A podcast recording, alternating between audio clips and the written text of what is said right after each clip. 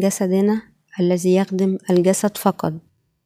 رمية الإصحاح السابع الآية الرابعة عشر إلى الخامسة والعشرون. فإننا نعلم أن الشريعة روحية. أما أنا فجسدي بيعا عبدا للخطية. فإن ما أفعله لا أملك السيطرة عليه إذ لا أمارس ما أريده وأنا ما أبغضه فإياه أعمل.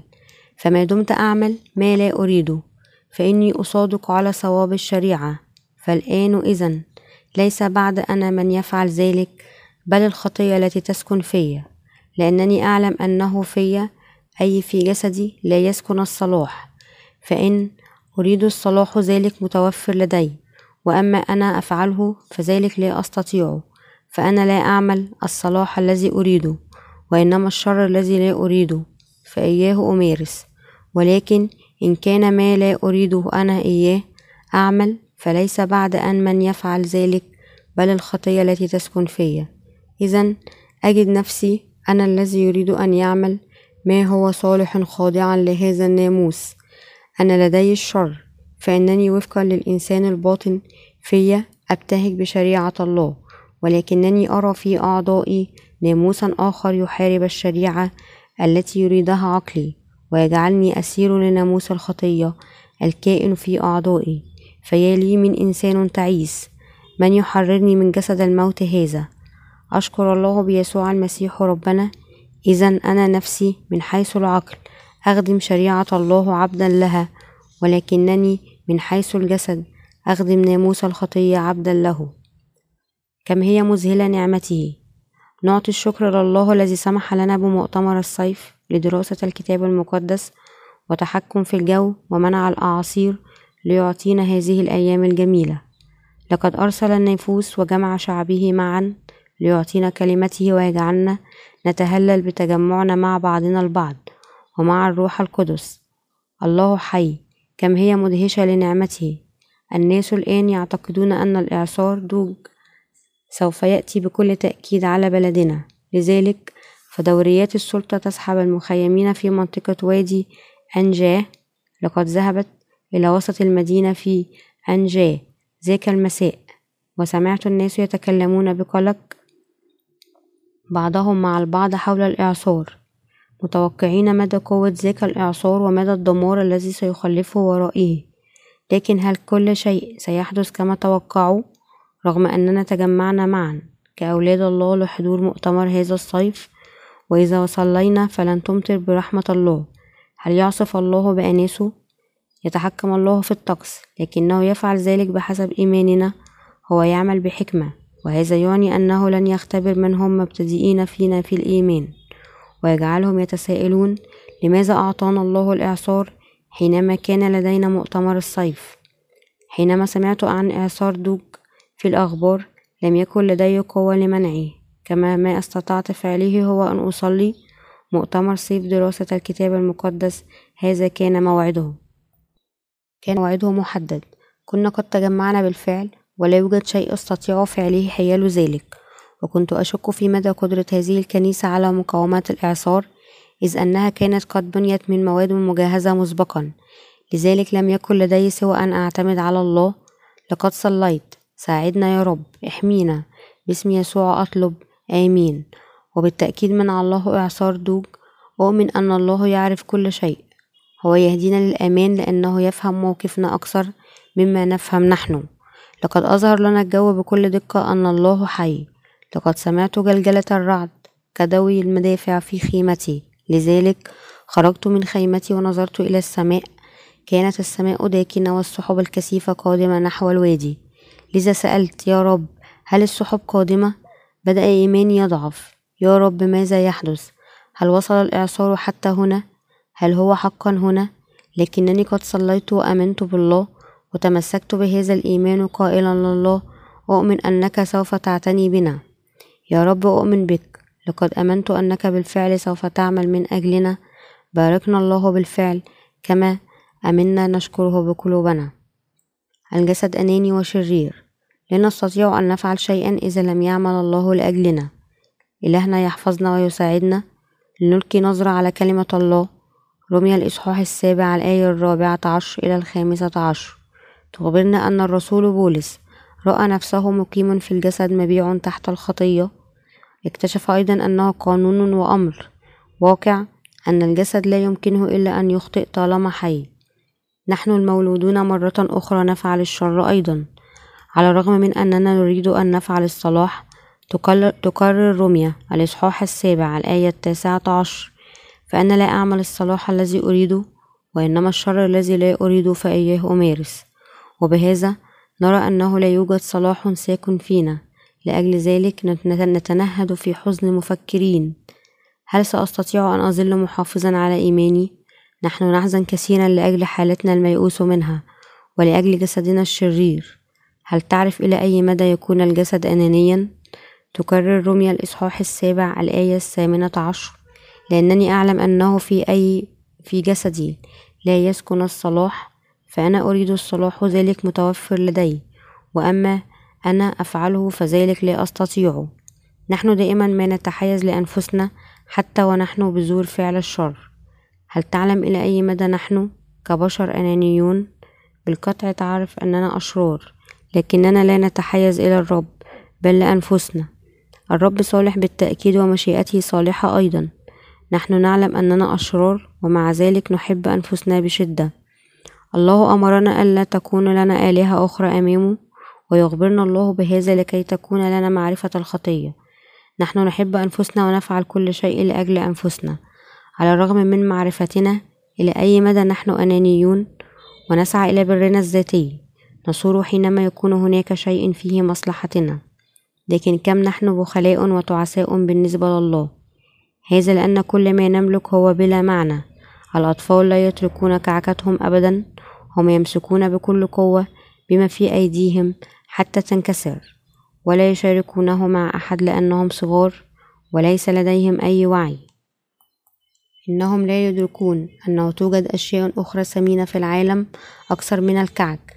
الأطفال يبدون كذلك ونحن كذلك. لقد محيت خطايانا لكننا لازلنا أنانيون. نشكر الله لأجل أنه جعلنا بلا خطية وأنه أعطانا الروح القدس بقوته لكي تبدأ الحرب في داخلنا بعد استقبالنا غفران خطايانا وولادتنا مرة أخرى. هذه الحرب بين الجسد والروح. نحن سعداء بعد ولادتنا مرة أخرى لكننا سرعان ما نتضايق بسبب هذه الحرب. لكن الله يريدنا أن نعمل الآن لأجل ملكوت الله. تخلى إلهنا عن مجده لأجلنا. أرسل في شكل الجسد لم يرسل إلى العالم في هيئة شخص وسيم. لقد أتى إلى العالم في هيئة إنسان متواضع ربما كرجل قصير وغير جميل. في الحقيقة لقد قيل عن يسوع أنه لم يكن وسيما أبدا. يقول إشعياء نما كبرعم أمامه وكجزر في أرض يابسة. لا صورة له ولا جمال يسترعان نظرنا ولا منظر فتشتهيه إشعياء. الإصحاح الثالث والخمسون الآية الثانية ومع ذلك فقد أخذ الرب عنا كل خطايانا. جسدنا يخدم الخطية فقط. عرف بولس أن جسده كان كتلة من الخطايا. لذلك قال فأنا لا أعمل الصلاح الذي أريده وإنما الشر الذي لا أريده فإياه أمارس لم يشرح بالتفصيل لأنه كان خجلان من خطاياه. نحن مثل صناديق النفاية نحن كتل من الخطايا. كم كان سيكون مؤسف ومخجل أن نرى أنفسنا نجرجر نفايا ورائنا لكن ضمائرنا تنخزنا ونقول لله يا الله لا يجب أن أفعل ذلك وأريد أن أحيا طبقا لإرادتك. لكنني فعلتها مرة أخرى كيف لي أن أقف ذلك يا الله؟ كيف لي أن أوقف ذلك يا الله؟ يمكننا أن نشكر الله حينما نعرف شرنا. ينبغي أن نفكر في النعمة التي أعطاها لنا يسوع المسيح إلهنا ينبغي أن نفكر فيما فعله الرب بقلوبنا. حينئذ فقط. يمكننا أن نصل لمعرفة ما هو صواب وحينئذ فقط نستطيع أن نبدأ في خدمة الرب. بنعمة الله وإيماننا به نستطيع أن نطلب الرب ونقدم أنفسنا له ونتغلب على التحديات التي تنتظرنا حينما نتبع الرب بقلوبنا ونسير معه. نبدأ في إنكار أنفسنا حينما نصل إلى إدراك أننا أشرار. وبلا نفع أمام الله ندرك أن نتجنب الخطية. مستحيل بدون خدمة الرب بسبب جسدنا وأننا لا نستطيع فعل شيء. على الرغم من أننا قد بوركنا كثيرا وذلك بسبب ضعفنا أقدم الشكر لله الذي باركني لكي أخدمه. إذا لم يكن الله قد وضعني في الخدمة لأجل خدمة الإنجيل لكنت قد ظللت مجرد كتلة من الخطية التي لا تزال في الجسد. ولم أكن لأفعل شيئا بارا أمامه على الإطلاق. أقدم الشكر لله لأنه مكنني من أن أخدمه. بسبب ذلك أقدم صلاة مثل هذه. أشكرك يا رب يا رب. أحتاج للنقود لكن ليس لدي شيء. أريد أن أفعل كل هذه الأشياء لك على الرغم من أنه ليس لدي شيء. لو سمحت ساعدني. لن أنفق النقود لأجلي لكن لأجل الرب. لو أنفقت النقود على نفسي سوف يكون الجسد مرتاحا لكنني أريد أن أنفقها لأجل الرب ولأجل عمل البر. هذه النقود ثمينة بالنسبة لي لأنني عملت بكل جهد لأجلها ولأنها ثمينة بالنسبة لي فأنا أقدمها لك. لو سمحت أنفقها في أعمالك البارة. الذين يعرفون شرهم يعرفون أنه لا يوجد شيء صالح فيهم. ماذا أعني بالكلمات؟ لا يوجد شيء صالح فيهم يعني أنه لديهم فقط أشياء شريرة في جسدهم إنه شر أن يحيا المرء لنفسه فقط. نشكر الله بيسوع المسيح ربنا. اعترف بولس فيلي من إنسان تعيس من يحررني من جسد الموت هذا. أشكر الله بيسوع المسيح ربنا إذن أنا نفسي من حيث العقل أخدم شريعة الله عبدا لها ولكنني من حيث الجسد. أخدم ناموس الخطية عبدا له. رمي الإصحاح السابع الآية الرابعة والعشرون إلى الخامسة والعشرون. ماذا يخدم الجسد؟ الجسد يخدم الخطية دائما ومع ذلك فنحن نخدم الله بقلوبنا ومن خلال من نشكر الله نشكر الله بيسوع المسيح إلهنا. قال بولس أشكر الله يسوع بيسوع المسيح ربنا وأنا أيضا لو لم يكن الرب قد أخذ عني كل خطاياي لم أكن لأستطيع أن أخلص لأن الجسد لا يزال يخدم الخطية الآن. أشكر الله بيسوع المسيح ربنا. نعطي الشكر لله لأنه أخذ عنا جميع خطايا جسدنا. جسدنا يخدم الخطية فقط حتى بعد أن تلقينا غفران خطايانا. لكن القلب يريد أن يخدم الله. السبب الذي لأجله نشكر الله والسبب وراء تبرر القلب هو خلال يسوع المسيح. هل تؤمن بهذا؟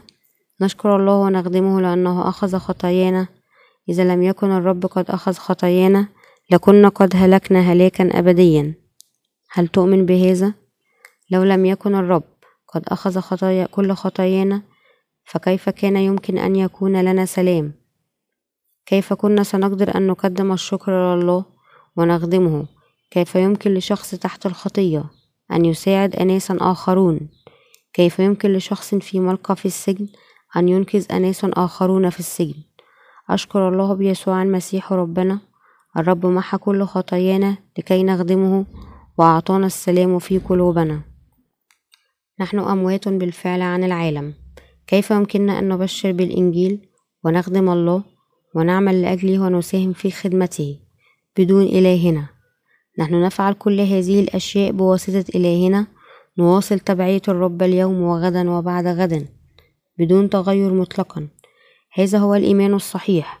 الذين يخدمون الله يشبهون امرأة حكيمة فاضلة تدبر بيتها حسنا. لا تحيا حياة دينية متقلبة مثل مقلاة الشوي التي تبرد بسهولة وتسخن بمنتهى السرعة. يجب أن تتبع الرب في كل وقت حتى يأتي مرة أخرى. اعتبر نفسك أبدت وقطعت من العالم بعد ميلادك. مرة أخرى. أريدك أن تتذكر أنك لست شخصا من العالم بعد الآن. لقد صرنا الآن موتى عن العالم. أسمائنا قد أزيلت من شجرة عائلة العالم. هل تفهم ذلك؟ أسماؤنا لم تعد موجودة هناك. ربما يقول العالم لك مر وقت طويل بدون أن نراك. ماذا حدث؟ سمعت أنك تحضر الكنيسة؟ سمعت أيضا أن كل خطاياك قد غفرت. إذا فليس لديك خطية. ها كلا. ليس لدي خطية. هذا غريب. أعتقد أنك وقعت في براثن الكنيسة الخطأ.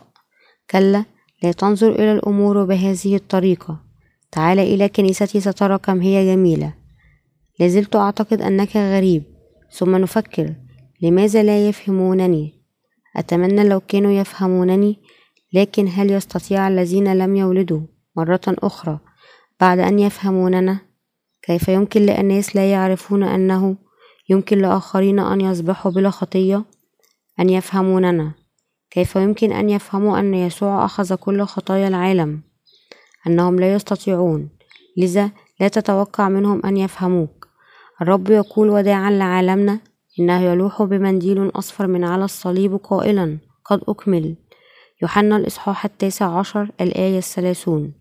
خشية أن لا أكون لا نكون قادرين أن نقول وداعا للعالم حيث أن الشفقة تحركنا بسهولة.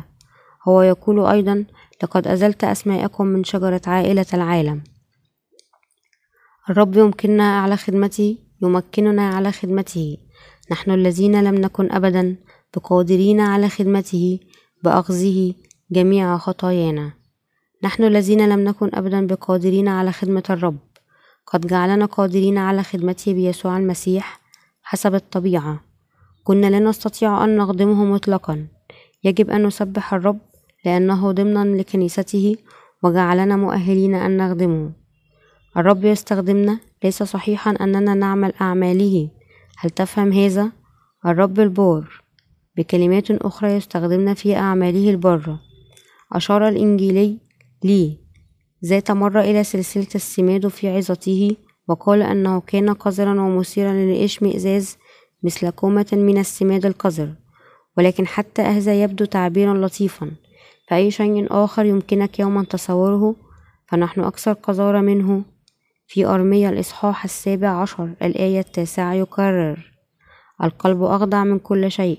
لقد مكن الله هؤلاء الذين قلوبهم الذين قلوبهم أخضع من كل شيء أن يعيشوا لمجد الله.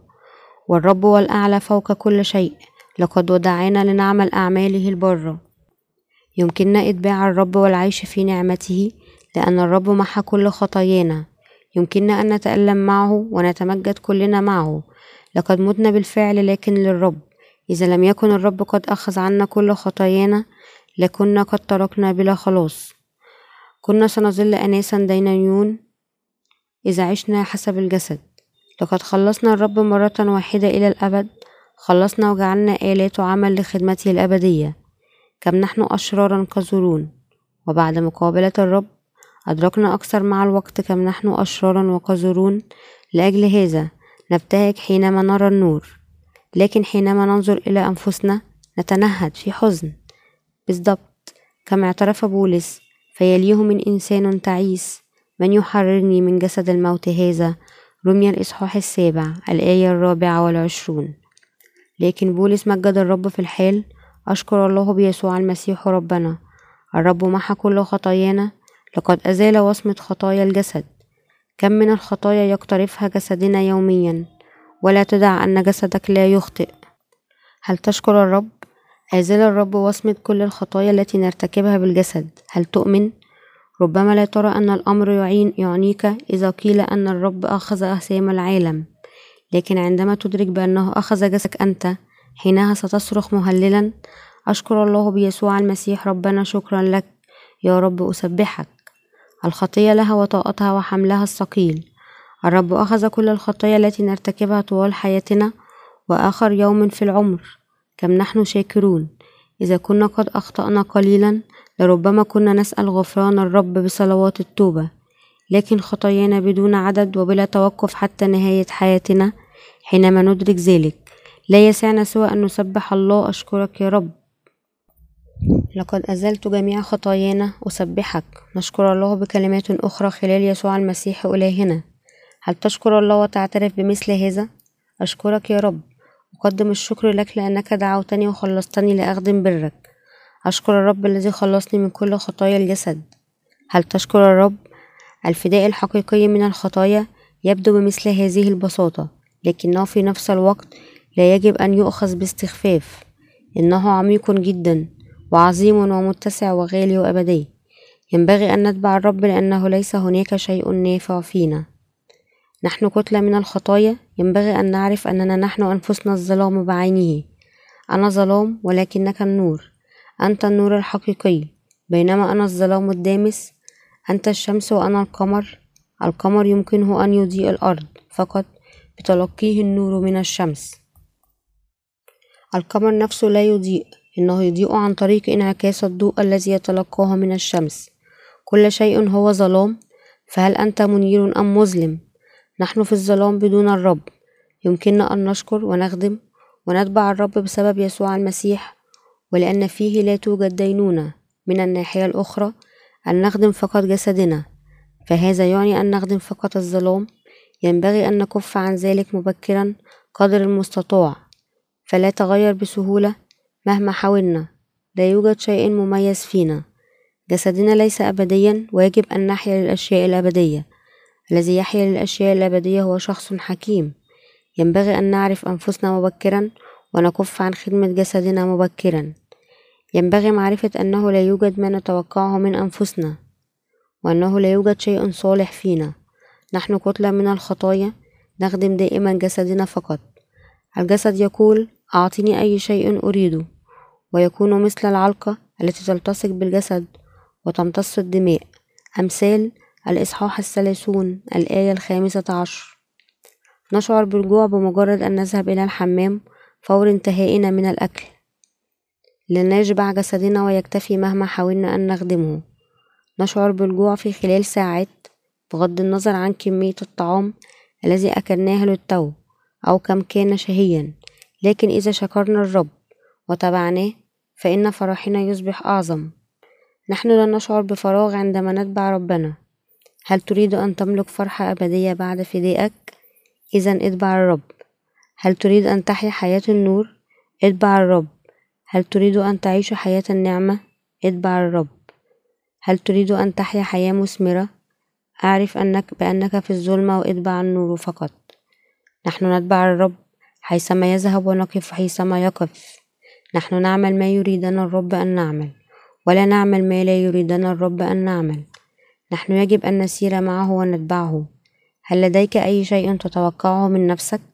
بالطبع كلا نحن يجب أن نتبعه لأن لا شيء يمكن أن نتوقعه من أنفسنا هل جسدك أبدي؟ بالطبع كلا إذا لماذا نتبع شيء بلا فائدة ولا أبدي؟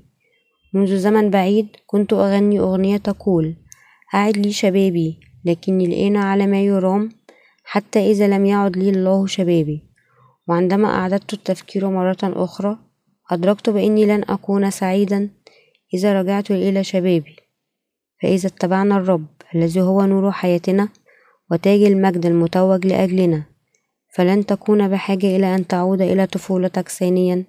بدلا من ذلك نغني. أنا لن أنكر الرب وسوف أتبعه كل يوم وإلى نهاية أيامي. هذا يوضح الإيمان الحقيقي الذي به لا ننكر الرب في حياتنا والذي به نشكر الله دائما. هيا نغني أغنية الإنجيل هذه. أحب الله الرب الذي شكل الإنسان من غبار الأرض الذي تنفس في أنفه نسمة الحياة والذي أرسل ابنه لنا. أنا تكونت على مثاله سأكرس جسدي للرب. أنا لن أنكر الرب وأنا سأتبعه كل يوم إلى نهاية أيامي. أقدم شكرا خالصا للرب. أقدم شكرا خالصا حقيقيا إلى الرب. الرب أخذ أسامنا ومكننا من أن نخدمه نتبعه ونعمل. عمله البار إذا لم يكن الرب قد أزال كل الآثام التي نرتكبها بجسدنا. وطرحها بعيدا كيف كنا سنعمل. عمله البار لما استطعنا ذلك حتى بنسبة واحد في المئة. الخاطي لا يزال شريرا مهما كان يبدو حسن الأخلاق. كم هو رائع ذلك أن يطرح الرب أسامنا ويمكننا من أن نخدمه. كم هو رائع أن يزيل الرب كل أسامنا ويباركنا نحن الذين كنا منغمسين في القذارة كل حياتنا. ونحيا حياة بائسة ومنقادين للجحيم ونحيا حياة عميقة بدون الرب. الرب قد اختارنا أن نخدمه بأخذ كل أسامنا وباركنا بفدائنا بالإيمان مظهرا عظمة نعمة الله. كيف يمكن أن نكون أبرارا والخطية في قلوبنا؟ وحقيقة أننا بلا خطية هي بالتأكيد نعمة رائعة. فنسبح الله. الجسد سيرتكب الخطية بالتأكيد مرة ثانية وبالرغم من أننا نسمع كلمة الله الآن إلا أنني سنخطئ مرة ثانية ربما حتى فور خروجنا هذه الكنيسة. بسبب ذلك أسبح الرب لأنه طرح عنا كل أثامنا لا تشك أبدا في أن ربنا يسوع المسيح أخذ كل أثامنا بمعموديته في نهر الأردن وأنهى حكم الخطية على الصليب. أؤمن وأسبح الله. إذا كيف يمكن أن نسبح الله يمكن أن نسبحه من خلال يسوع المسيح. القديسون المحبوبون نحن لا يمكن أن نعوض نعمة الله مهما حاولنا طوال حياتنا. إنه ليس كافي حتى ولو ظللنا نقدم الشكر للرب إلى الأبد الذي مكننا من أن نعمل عمله البار والمثمر بأخذ كل أثامنا بالرغم من حالة الضعف التي قد نبدو بها. نحن لا يمكن أن نسبحه بشكل كافي حتى لو سبحناه إلى نهاية حياتنا. نحن نعرف يقينا في ضميرنا أنه لا شيء صالح يسكن فينا. فكر في الموضوع. هل ستظل تخطئ طالما أنت حيا؟ أنت بالتأكيد ستخطئ لكن الرب أخذ أسامك مسبقا. الرب باركنا لكي نعمل أعمال الله. الرب مكننا من أن نخدمه. نحن لا يمكننا سوى أن نعطي الشكر لربنا. أريدك أن تمجد الرب وأن تعيش حياة الشكر له من خلال يسوع المسيح في حياتك كلها. إلهنا مكننا أن نعيش حياة الشكر لله. الله خلصنا من كل الخطايا التي نرتكبها بالجسد وأنقذنا من جميع خطايانا لكي نخدمه بقلوبنا. ولأن نعمة ربنا عظيمة جدا فنحن نريد أن نتبعه ونخدمه. هيا بنا نشكره بكل قلوبنا. كم هي عجيبة نعمة الله المعطاه لنا بيسوع المسيح أريدك حقا أن تعرف فقط كم هو شرير وضعيف جسدك وأن تنظر فيما تعمل وتفكر فيما إن كان الرب حقا قد أخذ أسامك أم لا وأن تقدم الشكر للرب وأن تعيش بالإيمان. أشكر الرب الذي جعلنا نعيش حياة ثمينة أشكر الله خلال يسوع المسيح ربنا. لذلك بالذهن أنا نفسي أخدم قانون الله لكن بالجسد ناموس الخطية. رمي الإصحاح السابع الآية الخامسة والعشرون. نحن نحب الله بقلوبنا لكن بجسدنا نحب الخطية لكن ربنا يحبنا أكثر. فمع أنه لن يكون هناك خطية إلى أن نرتكب جسدنا عمل ضد الناموس. لكن الرب قد محى مسبقا حتى الخطايا التي سنرتكبها في المستقبل لهذا ربنا يحبنا أكثر ولهذا يجب أن نشكره.